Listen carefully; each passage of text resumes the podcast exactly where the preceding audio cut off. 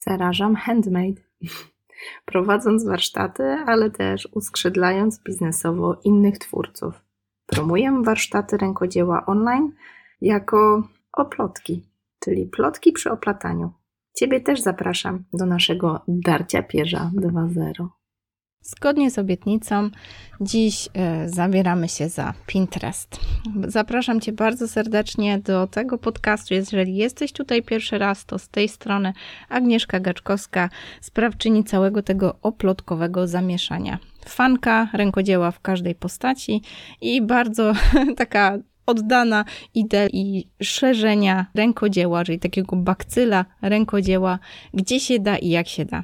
Ta audycja to podcast dla fanów i twórców rękodzieła. Dzisiejszy odcinek dedykuję najbardziej chyba twórcom rękodzieła, którzy chcą budować biznes w oparciu o rękodzieło i potrzebują narzędzia do skutecznej promocji takiej działalności. Ale skorzystasz z tej treści również, jeżeli rękodzieło to dla ciebie hobby, a ty chcesz promować jakąkolwiek inną działalność, no i potrzebujesz narzędzia, które będzie kierowało ruch ten internetowy, ten w sieci, do Twoich miejsc, sklepu, stronę, bloga, nawet social mediów. Zaczynamy. Odcinek pewno będzie długi i dosyć treściwy, ale postaram się, aby ten dzisiejszy odcinek był wstępem do kolejnych odcinków, który zbierze idee, czy jakby takie powody, dlaczego w ogóle dla Ciebie Pinterest mógłby być przydatnym narzędziem, które możesz wykorzystać w swojej działalności. Nawiążę tutaj do odcinka, który opublikowałam już blisko rok temu, właściwie chyba jakieś 11 miesięcy temu, również o Pinterest, aż nie mogę uwierzyć, że to było już prawie rok temu. Możesz spokojnie wrócić do tego odcinka, bo mam wrażenie, że Wiele z tych treści jest bardzo aktualnych, ja niektóre z tych treści w skompilowanej formule postaram się tutaj przytoczyć i powtórzyć, bo jak się okazuje, bardzo wiele z nich jest aktualnych do dzisiaj. To tylko pokazuje, jak bardzo pomimo rozwoju tej platformy i takiego hmm, optycznego, e, optycznych zmian wyglądu, czy takich liftingów, które przechodzi platforma, pokazuje to tylko, jak idea tej platformy i taki główny schemat działania, czy taka główna idea działania jest ciągle aktualna. Dlatego zachęcam Cię, żeby nawet jeżeli nie planujesz Bóg wie jakiejś strategii na tej platformie, posłuchać, zobaczyć, otrzaskać się z tym tematem, no i wtedy dopiero podjąć świadomie decyzję, czy ten Pinterest to coś dla Ciebie, czy szkoda na to czasu. Tytułem takiego wstępu, zanim jeszcze przejdę do konkretu, chciałam bardzo serdecznie podziękować Joannie Kowalczyk. Joasiu, dopiero teraz do, dotarłam do Twojego komentarzu. Przyznam się, że nie, nie podglądam tego, nie obserwuję na bieżąco, chociaż tak wiem, powinnam apelować i prosić o komentarze, bo jednak tym żyje podcastowy świat. Ja totalnie o tym zapomniałam, tak mocno zakręcona jestem na tym poczuciu, że po prostu to na pewno pójdzie w świat do tych osób, do których ma dotrzeć, to dotrze gdzieś pocztą pantoflową. Mimo wszystko chciałam Ci, Jasiu, bardzo podziękować, bo Twój komentarz nie tylko teraz dodał mi skrzydeł, kiedy właśnie przeglądam właśnie stare materiały na temat Pinteresta. Piszesz, że brałaś udział w wyzwaniu i powoli zaczynasz pracować nad Pinterestem. Bardzo fajnie i zrozumiale opowiadasz o tej platformie, piszesz o mnie. Dziękuję Ci bardzo za te słowa. E, piszesz, że pisałaś już w ankiecie, ale napiszę i tutaj przydałoby się coś na temat podstaw czytania statystyk Pinteresta, bo nie wszystko jest oczywiste. Bardzo Ci dziękuję za ten komentarz. Nie tylko dlatego, że pokazał mi, że o kurczę, po drugiej stronie są żywi ludzie i jesteś namacalnym dowodem, że te treści, które publikuję, komuś tam w tych internetach w jakiś sposób pomagają. Bardzo się cieszę, że brałaś udział w tym wyzwaniu, że zabrałaś się za Pinterest. Jestem przeciekawa, jak ci idzie. Jeżeli tego słuchasz, koniecznie pisz na maila. Jestem bardzo ciekawa, jak od tego momentu, rok temu, twój Pinterest, e, że tak powiem, ruszył z kopyta. Jestem bardzo ciekawa, które wskazówki przydały ci się najbardziej. Ja tym bardziej chcę wykorzystać Twój komentarz do tego, żeby mm, przytoczyć tu taką opowieść. Słuchajcie, ja sama pracę z Pinterestem zaczynałam już kilka lat temu i to była właściwie taka, mm, nie mogę, nie mogę powiedzieć praca, bardziej taka fascynacja, podglądanie. Wykorzystywałam to narzędzie do pracy jeszcze właśnie jako architekt, później też architekt wnętrz. Na przerwie macierzyńskiej bardzo, bardzo aktywnie byłam takim użytkownikiem tej platformy, robiłam sobie takie duże plansze, moodboardy, y, inspiracje dotyczące właśnie urządzenia, czy to naszych wnętrz, pokoików dziecięcych głównie, czy to wnętrz takich klientek czy koleżanek. Też na tym macierzyńskim bardzo dużo właśnie pokoików dziecięcych projektowałam, urządzałam. Tam wtedy zaczęła się też historia oplotki, gdzie to rękodzieło bardzo mocno wprowadziłam jakby do swojej pracy i ostatecznie ta, że tak powiem, miłość do rękodzieła przeważyła u mnie zawodowo i oplotki zaczęły się rozwijać z takim e, wielkim przytupem. Gdzieś w tle tego rozwoju marki Pinterest zawsze był obecny. I o ile zaczęłam o tym mówić jakoś rok czy dwa lata temu, tak już bardziej na zasadzie radzenia, doradzania, żeby zabierać się za tego Pinteresta, żeby podpowiadać twórcom rękodzieła, czy w ogóle przedsiębiorcom, przedsiębiorczyniom, żeby używać świadomie tego narzędzia. O tyle ja sama wiem, że bardzo długo byłam takim typowym użytkownikiem, zanim dopiero zaczęłam się interesować, jak tą platformę użyć w taki bardziej strategiczny sposób. I dlaczego o tym mówię? Bo Mam wrażenie, że to też jest bardzo ważny etap, e, zanim przejdziemy właśnie do takiej świadomej pracy nad tą platformą. Oczywiście, jeżeli tej platformy w ogóle nie znasz i chcesz od samego początku ruszyć z nią z kopyta i tak po prostu strategicznie, to jak najbardziej możesz to zrobić. Ale zachęcam Cię do tego, że jeżeli nawet nie masz przestrzeni w tym roku, żeby zabierać się za którąś z platform i właśnie ją tak strategicznie rozwijać, to Pinterest jest takim bardzo, bardzo przyjaznym miejscem, gdzie po prostu warto być jako użytkownik. Pomijam to, że jest to straszny pożerać czasu, tak jak wszystkie inne platformy, no bo mają za zadanie jak najdłużej nas tam zatrzymać i pożerać nasz, nasz, nasz czas, ale Pinterest daje nam bardzo dużo inspiracji i bardzo dużo takiej wizualnej inspiracji. Działa jako wyszukiwalka mm, graficzna więc zachęcam Cię też do takiego używania tego medium z punktu widzenia właśnie takiego użytkownika. Jeżeli szukasz jakichś, nie wiem, przepisów, e, spróbuj wyszukiwać je na Pinterestie. Jeżeli szukasz jakiejś inspiracji, jak urządzić salon, bo już Ci się znudziły Twoje kolory. Jeżeli szukasz inspiracji, jak, nie wiem, mm, jak zająć się swoją fotografią produktową i szukasz jakichś fajnych zdjęć, które możesz sobie pooglądać, żeby się zainspirować Spróbuj robić to właśnie na Pinterest. Dlaczego? Bo ta seria, którą, no, której właśnie słuchasz, tak, to już jest taki drugi odcinek, który będzie opowiadał o tej platformie będzie się skupiał na tym, jak wykorzystać tę platformę po tej drugiej stronie. Jak produkować treści, czyli jak działać strategicznie na Pinterestie, żeby właśnie ze swoimi treściami, produktami, usługami docierać do klienta. Ale gigantyczną wartość możesz wynieść też z tych audycji, z tej treści, kiedy będziesz też takim odbiorcą po drugiej stronie całej tej machiny, bo wtedy też będziesz mieć takie, takie powiedzmy, takie bardziej osobiste podejście do tego, jak to działa, i też będziesz mógł czy mogła ocenić, co dla ciebie z punktu widzenia użytkownika jest fajne albo niefajne. Bo bardzo wiele tych treści, które tu będę publikować, one są przez taki filtr mojego osobistego doświadczenia albo moich osobistych preferencji e, publikowane tutaj. A może się okazać, że Twój klient albo Ty macie zupełnie inny sposób konsumowania takich mediów, zupełnie inny sposób e, patrzenia na te treści, albo po prostu lubimy różne rzeczy. Tak? Więc e, pamiętaj, że w ogóle taka obecność na tej platformie Pinterest jest warta Twojej uwagi. I tak jak właśnie nawiązałam na początku, ja konsumowałam treści na tej platformie jako właśnie architekt, taka kubaturówka, czyli powiedzmy duże e, tam osiedla czy duże budynki. Później też już jako architekt wnętrz, gdzie jakby odkryłam w sobie tą miłość do wnętrz i gdzieś tam urządzałam takie duże powierzchnie biurowe czy duże apartamentowce ale też jako wnętrzarz, który po prostu zajął się pokojkami dziecięcymi. Czyli tak jakby przeszłam przez wszystkie możliwe skale jako architekt. I w momencie, kiedy zaczęłam pracować nad marką Oplotki, troszeczkę w innym świecie wizualnym zaczęłam się świadomie obracać, patrzeć, co się dzieje, podglądać. I dopiero wtedy zaczęłam Pinteresta jakby na potrzeby oplotki wykorzystywać strategicznie. I moje wykorzystanie tej platformy jako architekt było zupełnie inne. Ja tam najczęściej tworzyłam dla klientów takie moodboardy, czyli pokazywałam jakby w jakim klimacie chciałabym zaproponować dla nich wnętrze i kiedy klient to akceptował, albo po prostu mogliśmy podyskutować, że to mi się podoba, to nie, to nie do końca takie fajne, to mi się nie podoba, to nie mój klimat. No to ja zabierałam się wtedy do pracy i wiedziałam mniej więcej, co tego klienta kręci, co raczej nie. Łatwiej nam było po prostu e, rozmawiać na takich gotowych, wiecie, obrazach. Natomiast kiedy zaczęłam pracować nad marką Oplotki, Tutaj też bardzo dużo było inspiracji wnętrzarskich, ale jak się domyślasz, zupełnie inaczej wykorzystuję tę platformę i właśnie o tym wykorzystaniu Pinteresta będę Ci dużo opowiadać teraz, dlatego że to właśnie tutaj strategicznie wykorzystuję tę platformę.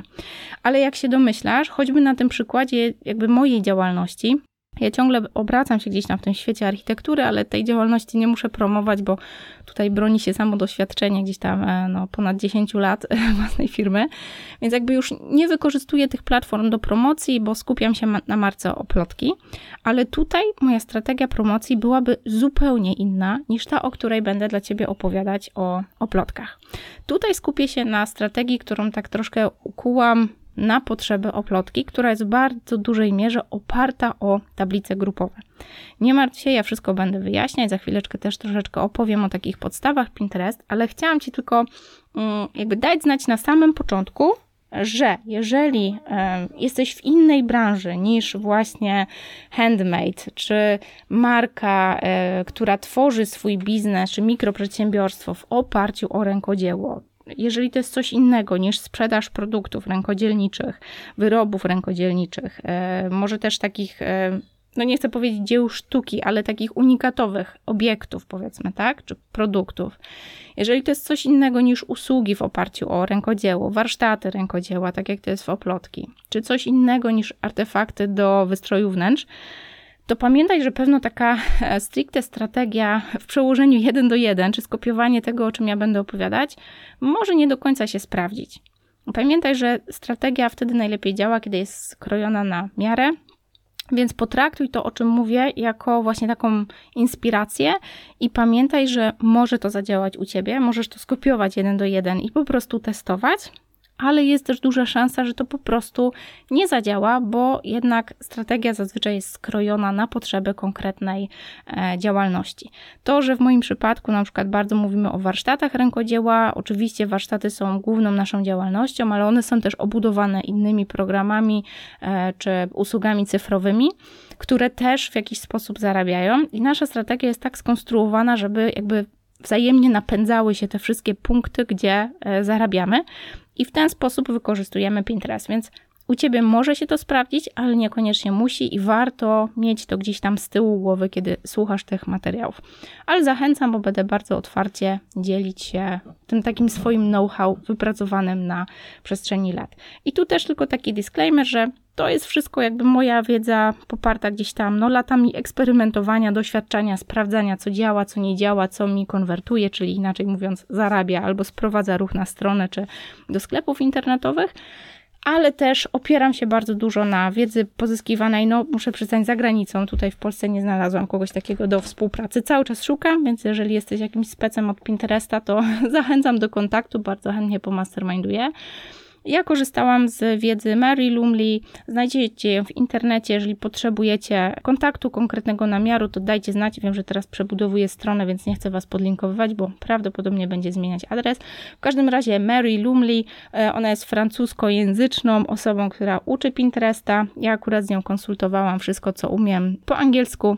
Znamy się z programu Somba, mojej mentorki biznesowej, o której zresztą opowiadałam Wam już w wielu odcinkach, więc jeżeli chcesz posłuchać więcej o tym online MBA, to odsyłam Cię do któregoś z odcinków, na pewno znajdziesz w tytule Somba Online MBA, szukaj takich. Ok, więc do meritum. Jak promować rękodzieło przy pomocy Pinterest?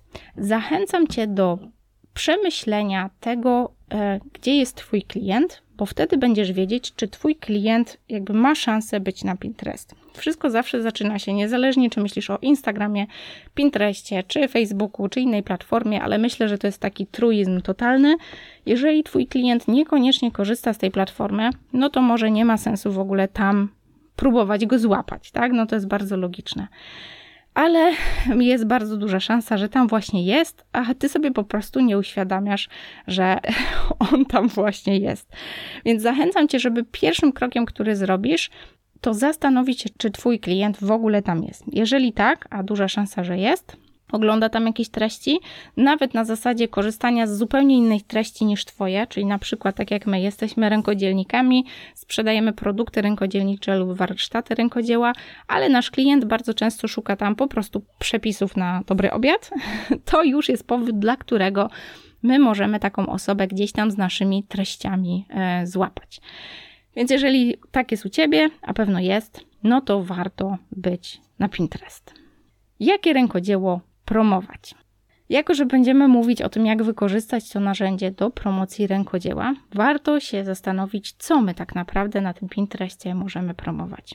I tutaj, niezależnie czy są to produkty rękodzielnicze w jakimś internetowym sklepie, na przykład na Twojej stronie albo na takich zewnętrznych platformach typu Etsy czy Pacamera, czy może są to usługi rękodzielnicze, tak jak na przykład no, stacjonarne warsztaty, może teraz niekoniecznie, ale na przykład kursy online albo warsztaty online z zakresu rękodzieła. Albo jeżeli są to takie produkty cyfrowe typu schematy, instrukcje, jak coś zrobić, tutoriale, może nawet kanał na YouTubie, gdzie chcesz pokazywać swoje tutoriale, pokazywać jak robisz rękodzieło to wszystko możesz promować przy pomocy Pinterest. Pinterest to nic innego jak wyszukiwarka graficzna, tak? czyli wyobraź sobie takie Google, które mówi obrazkami. Dlatego też warto popatrzeć na tą platformę przez pryzmat e, takiego medium, które no nie jest social medium, tak? To nie jest Facebook, to nie jest Instagram, tu nie chodzi o interakcje, lajki i, że tak powiem, lubienie lub nielubienie i popularność, tu bardziej chodzi o to, żeby dać się wyszukać, dać się znaleźć. Dać się znaleźć osobie, która chce skorzystać z naszych treści, jest naszym potencjalnym klientem. Więc jak się domyślasz, warto myśleć o tym, w jaki sposób, kto i dlaczego miałby nas wyszukiwać, a z drugiej strony udostępniać na tej platformie takie treści, które pomogą Cię znaleźć właśnie w taki sposób, żeby ta osoba przyszła po coś, czego potrzebuje. Dobra, wiem, brzmi to troszeczkę w zakręcony sposób, ale to się wszystko rozjaśni. Więc jak się domyślasz, osoba, która szuka danego produktu, to nie ten sam klient, który na przykład chce się nauczyć, jak wykonać daną pracę. Czyli ktoś, kto szuka szydełkowej pówki do swojego salonu, to niekoniecznie ta sama osoba, która chce taką szydełkową pówkę zrobić i szuka schematu, wideo tutoriali albo bezpłatnych porad czy lekcji wideo, jak coś takiego zrobić. Musisz się więc na początku dobrze zastanowić, co i dla kogo robisz, bo to zdeterminuje, co możesz pokazywać na tym Pinterestie i jak będziesz to opisywać, żeby Twój potencjalny klient mógł Cię znaleźć. Pinterest daje nam możliwość nie tylko umieszczania atrakcyjnych fotografii naszych na przykład produktów albo grafik opisujących nasze usługi, ale też pozwala nam na bardzo dokładne opisanie takich pinów pinów, czyli tych grafik, które krążą w tym ekosystemie Pinterestowym. Jak się domyślasz, skoro wyszukiwanie i opisywanie pinów jest ważne, tak, czyli coś, co ma ten nasz klient wyszukać, to podstawowa znajomość tak zwanego SEO, czyli tego Search Engine Optimization, bardzo jest przydatna. Więc jeżeli piszesz bloga, nie wiem, publikujesz coś na YouTubie i w miarę wiesz, co to znaczy tagi czy odpowiednie tytuły, to bardzo przyda Ci się ta umiejętność na Pinterest. Nie bój się, że tak powiem, oszczędzać jakichś tam elaboratów na temat, nie wiem, detali działania tego silnika wyszukiwarek. Tak? Możesz o tym poczytać też w samym dziale pomocy Pinteresta, tak? Można o tym czytać i czytać i czytać i im więcej, tym lepiej, ale zawsze będzie miał mało, tak? Ale warto pamiętać o kilku takich ogólnych zasadach i ja spróbuję się skupić na tych totalnych podstawach, żeby Cię nie przestraszyć, bo zakładam, że wiele mamy tu osób, które dopiero startują z Pinterestem, więc jeżeli jesteś bardziej zaawansowany czy zaawansowana, no to możesz pominąć ten dział, pewno dużo będzie tu takich uproszczeń, ale chodzi o to, żeby się po prostu nie przestraszyć i oswoić trochę ten termin SEO na Pinterestie. Więc jak najbardziej ludzkim językiem, mm, na podstawie jakichś takich moich subiektywnych doświadczeń. Więc zakładam też, że jeżeli potrzebujesz bardziej wnikliwej wiedzy, to wskakuj do tego działu Help. To jest wszystko bezpłatne na platformie, można się po prostu bardzo dużo dokształcić. Więc piny powinny mieć tytuły, tak? Więc jak już wiesz, że Pinterest to taka wirtualna tablica korkowa, powiedzmy taka wyszukiwarka, gdzie chcemy znaleźć konkretne treści, no to warto pomyśleć o tym, żeby tytuły swoich pinów potraktować jak takie hasła, które nasz klient wpisuje w wyszukiwarkę. Tak? Jeżeli ktoś szuka danego zagadnienia, no to wpisuje konkretną frazę. Jeżeli twój pin jest nazwany takim tytułem, no to duża szansa, że ten klient właśnie tak cię odnajdzie, tak? W zasadzie proste, prawda? No dobra, tylko jak się wyróżnić spośród milionów osób, które no, ten mechanizm pewnie tak trochę na chłopski rozum e, kumają. Tak? No to postaraj się po prostu o dokładność. zbadaj na przykład, czy szydełkowe kapcie to właściwy termin, tak? Może jednak lepsze będzie, nie wiem, dziergane bambosze albo sztrykowane laczki, tak? Bo jeżeli ty wiesz, że twoim klientem jest powiedzmy osoba, która mieszka na Śląsku, bo twoja firma działa lokalnie i raczej chodzi o to, żeby, nie wiem, ktoś mógł od ciebie odbierać wełnę, bo przędzę tworzysz gdzieś tam w okolicach, nie wiem, Wrocławia albo Dolnego Śląska, no, no to już taki tytuł sztrykowane laczki z y, handmade wełny, czy tam wełna y, produkowana w Polsce lokalnie, to już będą tytuły, które są bardzo aktualne dla ciebie, a niekoniecznie aktualne dla całego tego świata dzierganego czy szydełkowego, tak? Zrozumiesz już, do czego zmierzam. Warto się zastanawiać nad tym, e, w jaki sposób będziesz nazywać swoje treści i w jaki sposób Twój klient będzie wpisywał frazy do wyszukiwarki, żeby Ciebie właśnie znaleźć. Nie kogoś innego, tylko właśnie Ciebie. Tak? Podomowe pantofle można określić na wiele sposobów, tak? Więc można dodać, nie wiem, zielone, wełniane do prania w pralce, albo nie wiem. To jest tylko jakaś tam paleta słów po polsku. Możesz dodawać też y, frazy w różnych językach. W zależności od tego, gdzie Twój klient, tak będziesz opisywać swoje piny, tak?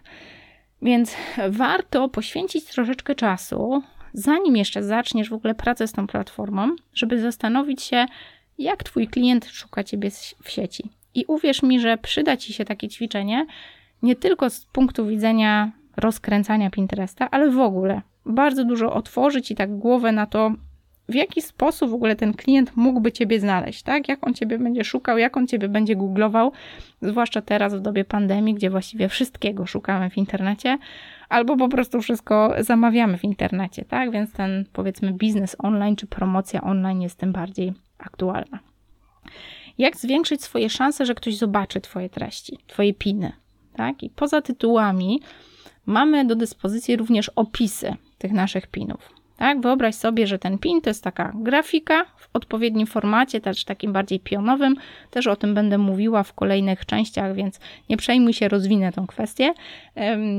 Ale oprócz grafiki, to jest właśnie ten tytuł, o którym powiedziałam przed chwilą, i taki mały opis, tak? I podobnie jak ten tytuł, ten opis jest dosyć ważny z punktu widzenia tej właśnie wyszukiwarki, tych silników wyszukiwarki. Objaśniamy grafikę słowami tak? Wyjaśniamy, do, do jakiej treści właśnie klient e, będzie przekierowany, kiedy kliknie w taką grafikę. Grafika najczęściej jest czymś, co przekieruje tego klienta albo do naszego produktu w sklepie, albo na stronę naszego bloga, albo na stronę naszego Instagrama, żeby tam zobaczył sobie więcej. Jak się domyślasz, rzadko kiedy dzieje się tak, że ktoś klika i od razu rzuca się kupować. Raczej potrzebuje kilku takich punktów styku z Twoją marką, żeby troszkę poznać, polubić i dopiero zakochać się i kupić. I to też jest uzależnione od tego, jaka to jest cena, tak? I im droższe, no to jak się domyślasz, tym, tym więcej po prostu takiego polubienia ten klient potrzebuje, czy takiego zbudowania zaufania, żeby ci zaufać i kupić.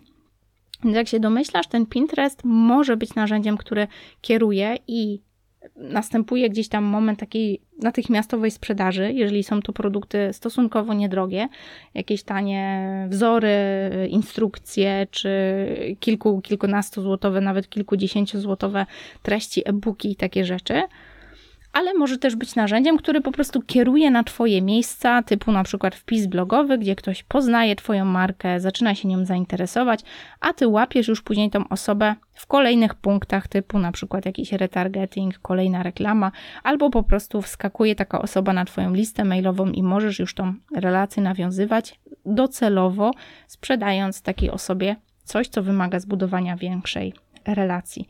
Ten opis to kolejne miejsce, gdzie ty możesz złapać tego klienta, używając takich słów, takich fraz i takiej opowieści o Twojej marce, o Twoim produkcie, żeby odpowiedzieć na te frazy, które Twój klient wpisuje w wyszukiwarkę. Więc pokrótce o to chodzi na Pinterestie. To Ty jesteś producentem treści, które będzie wyszukiwał Twój klient.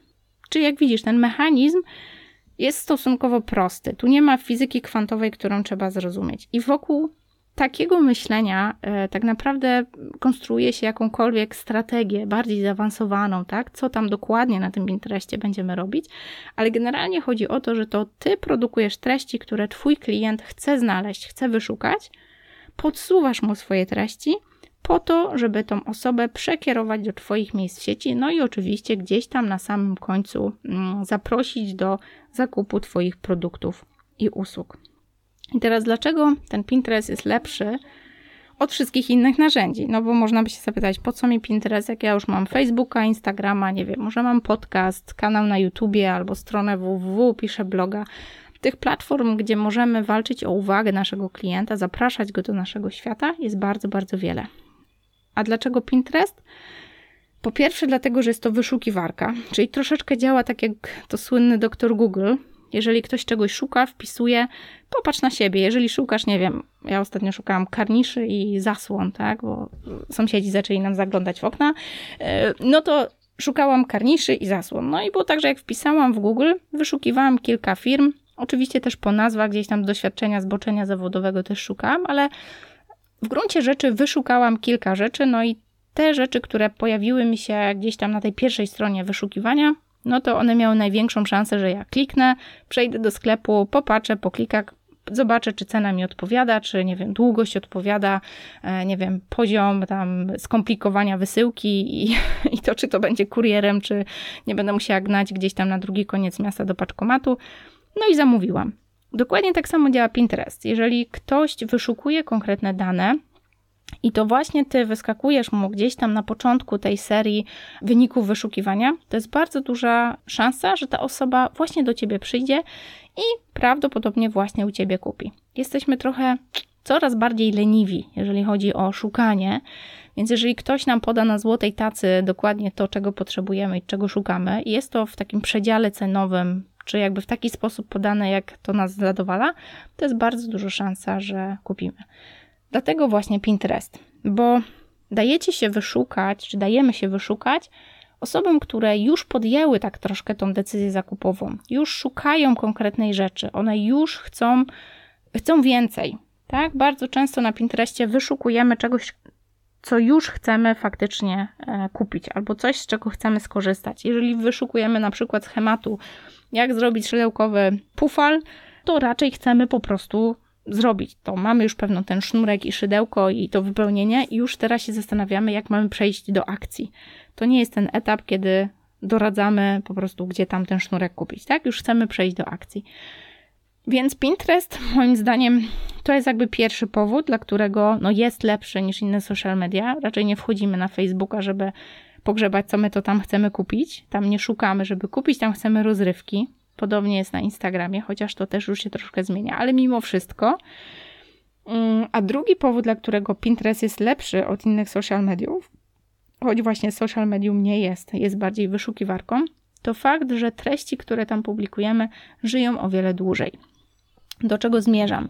Kiedy publikujemy jakiś pin na właśnie Pinterestie, to wiemy, że może on zostać wyszukany za pół roku, za rok, za trzy lata. O ile to nie zostanie po prostu gdzieś tam usunięte, to nasz potencjalny klient może znaleźć takiego pina właściwie zawsze. Wręcz działa to w drugą stronę. Im dłużej to jest, tym jakby bardziej to żyje, tym więcej osób może kliknąć, przeklikać się na naszą stronę, zaznajomić się z tą naszą treścią. Natomiast na Facebooku, Instagramie, no to wszyscy wiemy, jak to zadziała, tak? Post, który wczoraj, nie wiem, zbierał Bóg wie jakie zasięgi, następnego dnia już jest po prostu nieaktualny, już musimy produkować kolejne treści, a tamte stare, no tam może jeszcze w jakiś czas żyją, gdzieś tam w tym, w tym naszym gridzie, czy naszym tym feedzie jeszcze żyją, ale raczej za pół roku, za rok to już tam nie ma co w ogóle liczyć na to, że cokolwiek z tego będzie. Na Pinterestie właśnie tak się nie dzieje, więc to jest przepiękna zaleta e, tego portalu, że to, co tam robimy, nam się tak troszeczkę sumuje, kumuluje i nawet jeżeli będziemy działać z taką minimalną mm, porcją wysiłku w kierunku tej platformy, to taki skumulowany efekt regularnej pracy będzie nas po prostu zadziwiał. Ok, dlaczego Pinterest to idealna platforma dla rękodzielników. Tutaj się odwołam do e, zbioru takich treści, które publikowałam na naszym oplotkowym blogu, więc pozwolisz, że się będę posiłkować takim skryptem, żeby się nie rozgadywać, żeby było jak najbardziej konkretnie. Jeżeli lubisz takie treści konsumować w formie czytanej, no to zachęcam Cię, żeby przeklikać się. Oczywiście podlinkujemy te wszystkie treści tutaj w opisach. Ale hasło. Pinterest, co to za portal, tak? Po ludzku wiemy, że to kolejne miejsce, gdzie potrzebna jest nasza uwaga. Jeżeli wiemy, że tą uwagę możemy skierować e, na tą platformę na zasadzie nawet takich minimalnych wysiłków. O tym też szczegółowo będę mówić w konkretnych następnych częściach, co można publikować i jak można publikować. To warto zastanowić się, jakie treści można by tam umieścić, żeby właśnie ten wysiłek na początku był jak najmniejszy, żeby trochę oswoić ten opór przed nową platformą. Nie wiem, czy ty też tak masz, ale ja mam to non-stop, kiedy tak co roku robię sobie takie postanowienie, że zabieram się za kolejną platformę, tak, te poprzednie zazwyczaj już są troszeczkę bardziej oswojone, zautomatyzowane, mogę już to delegować koleżankom z zespołu, to ja wtedy zazwyczaj sobie robię takie postanowienie, że zabieram się za kolejną i zaczynam ją tak mocniej tam miętolić, e, przyduszać i wyciskać z niej różne soki ale zawsze czuję taki wewnętrzny opór, no bo wiąże się to z tym, że trzeba się czegoś nauczyć, że znowu może się nie udać, że tracę tyle czasu, a niekoniecznie te efekty będą super. Dlaczego z Pinterest jest inaczej? I dlaczego chcecie zachęcić, żeby rzeczywiście spróbować i przełamać taki opór w sobie? Bo te treści na Pinterest, tak jak wspomniałam, one nie giną, wręcz odwrotnie, one troszeczkę pracują i im dłużej tam są, tym pracują lepiej, bardziej wydajniej. Jeżeli dobrze to zrobimy, o tym też będę później mówić, że warto dobrze opisywać swoje piny, dobrze konstruować tytuły, ale są to też treści, które niekoniecznie musimy tworzyć od podstaw, ale możemy bardzo dużo z tego, co już mamy, wykorzystać na Pinterest. To jest kolejna taka złota zaleta tej platformy, że niekoniecznie musimy produkować nowe piny, choć to oczywiście jest wskazane i też będę o tym dalej mówić, ale możemy wykorzystać to, co już mamy na swoim profilu Instagramowym. Facebook troszeczkę mniej, bo trzeba to robić przez zewnętrzne narzędzia, bo te platformy się dosyć nie lubią, ale już Instagram, z niego można przypinać bezpośrednio. Twoja strona internetowa, blog, sklep internetowy, niezależnie czy na Twojej własnej platformie, czy na jakiejś zewnętrznej, czy właśnie jakimś takim butiku rękodzielniczym jak Pacamera czy Etsy. Te treści możesz przypinać do Pinteresta, co z ściąga z ciebie taki obowiązek tworzenia kolejnych i kolejnych grafik, tekstów, opisów itd. Robi się to za pomocą e, połączenia swojego konta Pinterest z tymi właśnie platformami. Tam po prostu trzeba potwierdzić to, że ty masz prawa do takiej platformy. Czyli jak się domyślasz, jak strona jest twoja i profil na Pinterest jest twój, to musisz je po prostu tak jakby ze sobą, żeby one ze sobą gadały, musisz je tam po prostu zintegrować i dzięki temu możesz przypinać bezpośrednio ze swojej strony że tak powiem, autoryzowane piny, wtedy te opisy, tytuły, one się zasysają automatycznie z Twoich miejsc w sieci. Jaki z tego plus? A no nie musisz robić tak dużo pracy. Twoja praca ogranicza się do klikania, przypinania. Oczywiście istnieją też takie zewnętrzne narzędzia, które ułatwiają ten proces, czyli możemy tam naklikać się w ciągu miesiąca, nie wiem, przysiąść dwie godzinki, naklikać się, naklikać i zaplanować sobie to na cały miesiąc i taki zewnętrzny program to na przykład Tailwind, który też tutaj Ci podlinkowałam. E, I dzięki temu możesz tą robotę zrobić, że tak powiem, raz na cały miesiąc. Ja tak robię. Siadam, przypinam wszystko raz na cały miesiąc i mam, że tak powiem, Pinterest z głowy, a on sobie tam w tle e, regularnie pracuje. Oczywiście teraz to już też jest cała strategia, więc to tworzenie grafik oczywiście to też obejmuje, ale dla osób, które zupełnie zaczynają, to jest kolejny powód, dla którego warto zacząć i nie trzeba się, że tak powiem, spinać, że będzie to wielkie, przerażające przedsięwzięcie, bo możesz spokojnie wykorzystać to, co już masz naprodukowane na innych platformach. I tu, tak jak powiedziałam, możesz wykorzystać to, co masz na Instagramie, to, co masz na swojej stronie, miejsca, które kierują na przykład do Twoich zapisów na listę mailową, Twój blog, albo właśnie e, takie zewnętrzne galerie handlowe, powiedzmy właśnie te Etsy, pakamery czy jakieś butiki. Więc kolejny powód, dla którego warto to robić. Bardzo często dostaję takie pytania, jak prowadzić Pinterest, jak zarabiać na Pinterest, czy jest płatny, czy nie. Ja się do tego odniosłam już w poprzednim odcinku, więc nie będę tego powielać. Patrzę tutaj na swoje notatki, żeby niczego nie powielić, ale chciałabym Ci kilka słów opowiedzieć o takim no, ostatnim zagadnieniu, które myślę, że tytułem wstępu to, to dosyć mocno wyczerpią temat takiego, czy warto w ogóle na Pinterest, czy w ogóle zadawać sobie ten trud i poświęcać na to jakikolwiek czas i coś na zasadzie, czy warto słuchać tych kolejnych odcinków Agi Podcastu, bo będę o tym gadać i gadać. W kolejnych odcinkach ja przytoczę Ci takie już konkretne wskazówki, co i jak robić. Myślę, że dosyć dużo też znajdziesz takich wskazówek na naszym e, kanale YouTube. Teraz zabieramy się za niego w tym pierwszym kwartale. Bardzo dużo tam będzie treści na temat Pinteresta dla rękodzieła. Ale chciałabym Ci jeszcze zahaczyć o taki jeden temat, który też poruszyłam na swoim blogu już dosyć um, jakiś czas temu, ale temat jest ciągle aktualny. I kiedy sobie czytałam ten artykuł, to jest taki mój rytuał, że sobie czytam wszystkie swoje wpisy blogowe zawsze na koniec roku, w tej przerwie, to zanotowałam sobie, żeby koniecznie do niego nawiązać w tym dzisiejszym odcinku, bo rzeczywiście ciągle jest aktualne. Mianowicie, czy promowanie swojego rękodzieła w dobie kryzysu niewątpliwego, tak, czy koronawirusa, czy to w ogóle ma sens? No i jeżeli się zastanawiasz nad tym, jak promować rękodzieło w czasie kryzysu, no to mam dla ciebie podpowiedź, bo z jednej strony, no mamy takie trochę wyrzuty sumienia, tak, że obok nas upadają biznesy, ta branża, nie wiem, eventowa czy turystyczna, to po prostu leży. E, koleżanki, które prowadzą restauracje, kawiarnie, knajpy, czy no bardzo wiele branż po prostu upadło. I mam takie sygnały, wiele dziewczyn, z którymi gdzieś tam e, jestem w mastermindach, czy, czy konsultuję i pomagam gdzieś tam przy ich działalności rękodzielniczej, ma takie wątpliwości, że no jak tu się teraz promować i jak tu głośno trąbić, panie kup pan, pani kup pani. Jak jest kryzys, tak? Ludzie nie mają pieniędzy, niektóre biznesy wywracają się do góry nogami, tak? Niektórzy walczą o przetrwanie. A no ja mam na to odpowiedź jedną – Mam wrażenie, że teraz powinniśmy się promować jako twórcy rękodzieła bardziej niż kiedykolwiek.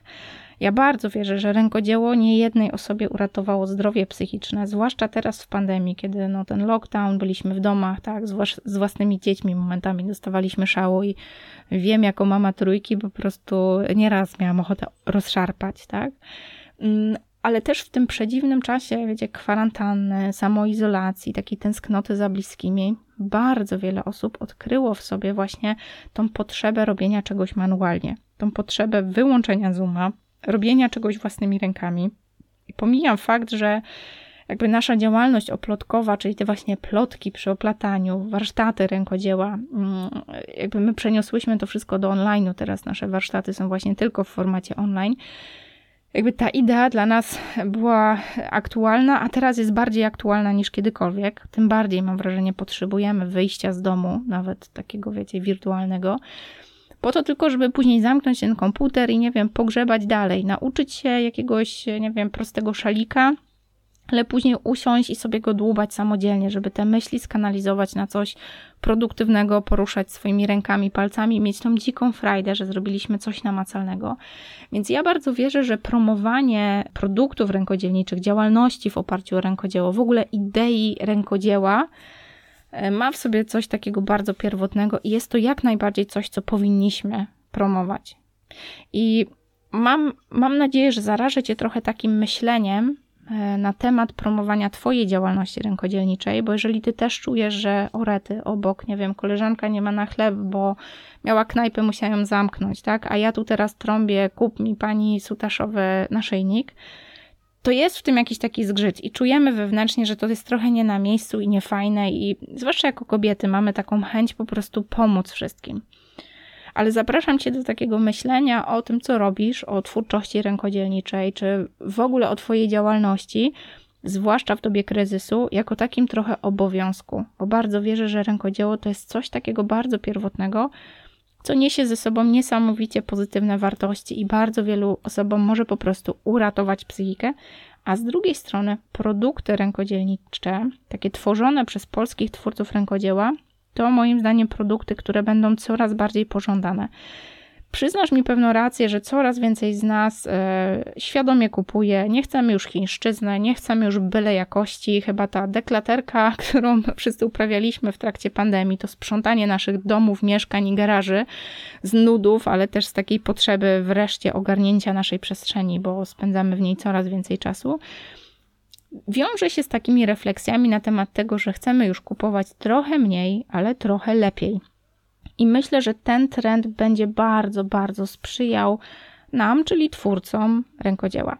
Więc zachęcam Cię do tego, żeby pomyśleć o promocji swojego rękodzieła, swojej pracy, swojej działalności w oparciu o rękodzieło bardziej przychylnie i też przychylnym okiem popatrzeć na Pinterest, bo jest to takie miejsce, gdzie rzeczywiście no nie ma takiej nachalnej promocji, wciskania komuś czegoś, tak, bo raczej e, ta piłeczka jest po stronie naszych odbiorców, naszych klientów. To oni wpisują frazę w wyszukiwarkę, a naszym zadaniem jest dać się znaleźć. Więc trochę odpada nam tutaj to, przed czym bardzo się bronimy jako kobiety i w ogóle jako twórcy rękodzieła, czyli takie właśnie nachalne sprzedawanie.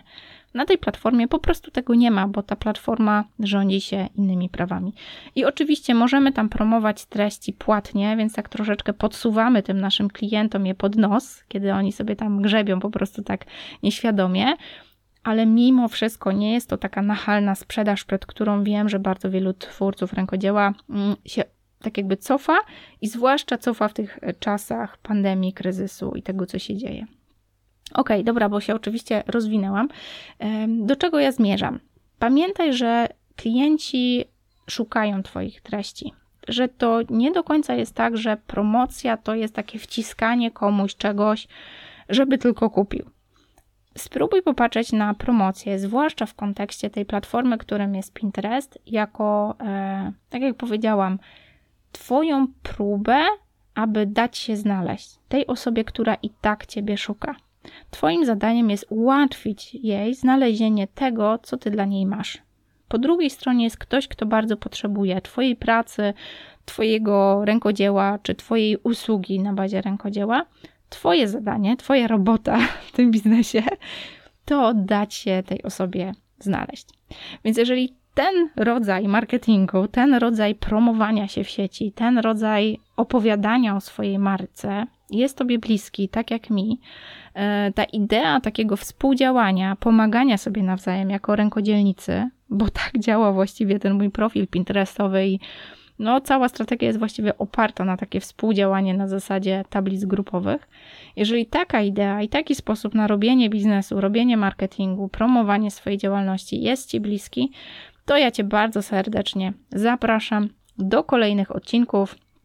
Będę już tam e, mówiła nieco szczegółowiej, nieco dokładniej, ale e, wierzę, że taki ogólny wstęp, czy takie ogólne e, rozważenie, czy w ogóle dla Ciebie warto, czy nie warto zarezerwować trochę czasu w swoim kalendarzu, to myślę, że taka pogadanka się przyda, żebyś mogła czy mógł zdecydować, czy warto na tego naszego YouTube'a oplotkowego zaglądać, czy tutaj słuchać takich kompilacji w formie audio, e, które będą mogły przybliżyć Ci, jak na Pinterest można promować Twoją działalność. Zachęcam Cię bardzo serdecznie. Oczywiście w kolejnym odcinku kontynuacja, więc już się nie mogę doczekać. Tam już będzie bardziej szczegółowo, bardziej soczyście.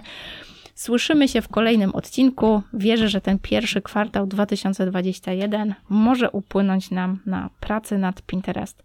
Jeżeli cały kwartał, choćby po parę minut dziennie poświęcisz na tą platformę, to gwarantuję Ci spektakularne efekty przekierowania ruchu na Twoje miejsca sieci, Twoje sklepy, Twoje blogi, mm, Twoje platformy. Więc zachęcam Cię do tej przygody i do usłyszenia w kolejnym odcinku. A, no tak, chwila, chwila zanim skończysz słuchać, mam do ciebie ogromną prośbę. Wiem, że Twój komentarz, Twoja opinia i Twoje dobre słowo, podanie tego podcastu dalej dla osoby, której może się przydać, jest przecenne. Więc jeżeli możesz poświęcić dosłownie minutę na to, żeby podzielić się informacją z jedną osobą, której ta treść może być przydatna, bardzo serdecznie Cię o to proszę. Jeżeli masz ochotę skontaktować się ze mną, pisz agnieszka małpa oplotki.pl. A jeżeli masz dosłownie ułamek chwili, podziel się tą informacją i puść ją dalej w świat. Wierzę, że dobro zawsze wraca. Warto się z nim dzielić.